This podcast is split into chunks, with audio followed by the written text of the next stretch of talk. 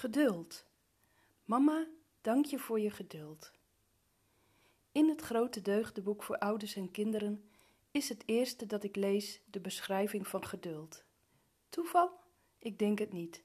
Het is een eigenschap waar wij regelmatig behoefte aan hebben. Ik lees dat geduld betekent dat dingen niet altijd meteen gebeuren en dat het soms nodig kan zijn te wachten. De meeste wensen hoeven niet meteen vervuld te worden. Als je daarvan uitgaat, raak je van streek of je wordt prikkelbaar als iets niet meteen gebeurt of als iets niet naar jouw zin gaat. Als iets anders gaat dan je wilt, kan geduld je helpen om kalm en verdraagzaam te blijven. Geduldig zijn betekent ook dat je afwacht als iets niet onmiddellijk resultaat heeft. Het heeft dan de betekenis van iets niet forceren, maar vertrouwen hebben.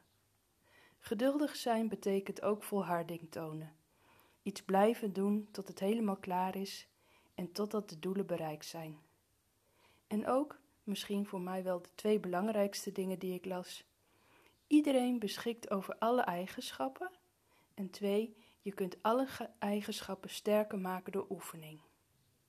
Geduld. Eigenlijk is het een heel essentiële eigenschap. Er schoten mij meteen allerlei situaties te binnen waarin wij, ouder en kind, geduld zouden kunnen hebben. Correctie, geduld zouden kunnen oefenen. Immers, we hebben net geleerd dat iedereen in aanleg over deze eigenschap beschikt. En door oefening kun je er vaardiger in worden. Ik ben er die week op gaan letten wanneer ik zag dat de Daan geduld liet zien. Als hij rustig op de bank ging zitten, terwijl ik hem een glaasje ranja inschonk, in plaats van rond me te lopen springen en zeuren, dan prees ik zijn geduld. Wat fijn dat je zo kalm op de bank afwacht totdat ik ranja heb ingeschonken. Daarmee laat je veel geduld zien en kan ik rustig wat lekkers erbij pakken. In het begin, Daan was ruim twee jaar oud en een vrij late prater, keek hij me vreemd aan. Geduld, wat is dat? Ik vertelde het hem in mijn eigen woorden van wat me was bijgebleven uit het grote deugdenboek voor ouders en kinderen. Er was bijna iedere dag wel een gelegenheid om erop terug te komen. En ik bleef geduld benoemen als ik zag dat Daan de eigenschap toonde. In die tijd kon hij heel leuk met zijn autootjes speelde, spelen. Hij zette ze allemaal precies op een bepaalde volgorde in de file, zoals hij dat noemde. Ik keek naar wat hij deed en vroeg me af welke deugd zich het meest aan mij toonde. Geduld. Vervolgens sprak ik mijn bewondering naar hem uit door deze deugd te benoemen.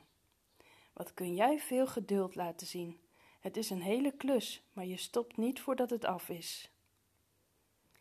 Als ik even rustig wilde bellen, dan vroeg ik hem: Als je vijf minuutjes geduld hebt, dan kan ik mijn telefoontje afronden. Of dank je wel voor je geduld als ik de hoorn neergelegd had. Het werkte.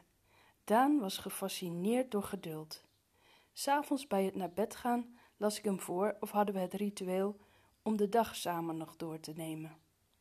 Daan vroeg me nu regelmatig: Mama, wil je nog over geduld vertellen? Ik vertelde hem wanneer hij die dag geduld had laten zien, of wanneer ik het zelf moeilijk vond om geduldig te zijn.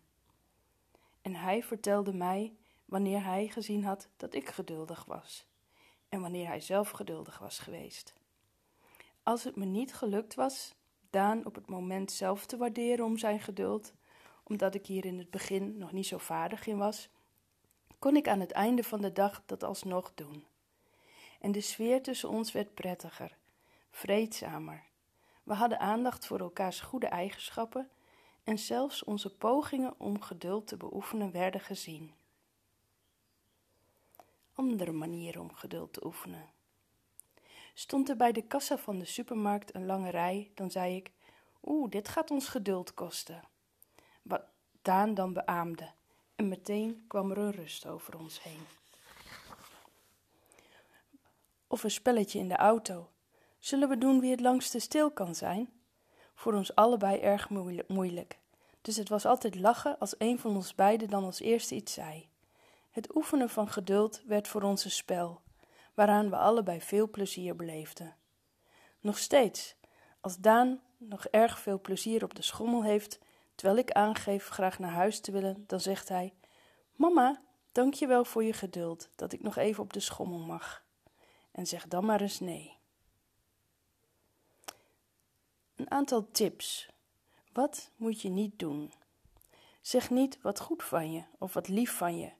Kinderen worden afhankelijk van jouw complimenten of ze doen iets enkel om je te behagen. Als je veel op ze moppert, dan horen ze je niet meer, terwijl dat de sfeer verpest. Wel doen.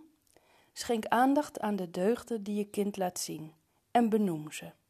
Vertel erbij hoe de deugd zich aan jou toonde en wat het effect ervan was. De allereerste keer dat je een deugd benoemt, kun je de betekenis erbij vertellen. Met behulp van het boek, het grote deugdenboek voor ouders en kinderen, of de deugdenkaarten en aan de hand van voorbeelden uit je eigen praktijk. Geef voorbeelden van jezelf, ook wanneer je het moeilijk vindt om de deugd te beoefenen. Dat vinden kinderen vaak erg grappig. Oei, wat een lekkere taart. Het zal moeilijk zijn om matigheid te beoefenen. Hoe vaker je de deugden die je kind laat zien benoemt, hoe meer affiniteit je kind met dit stukje van zijn karakter krijgt. Op het moment dat je kind de deugd niet laat zien, en dit wel wenselijk is, kun je de deugd in herinnering brengen.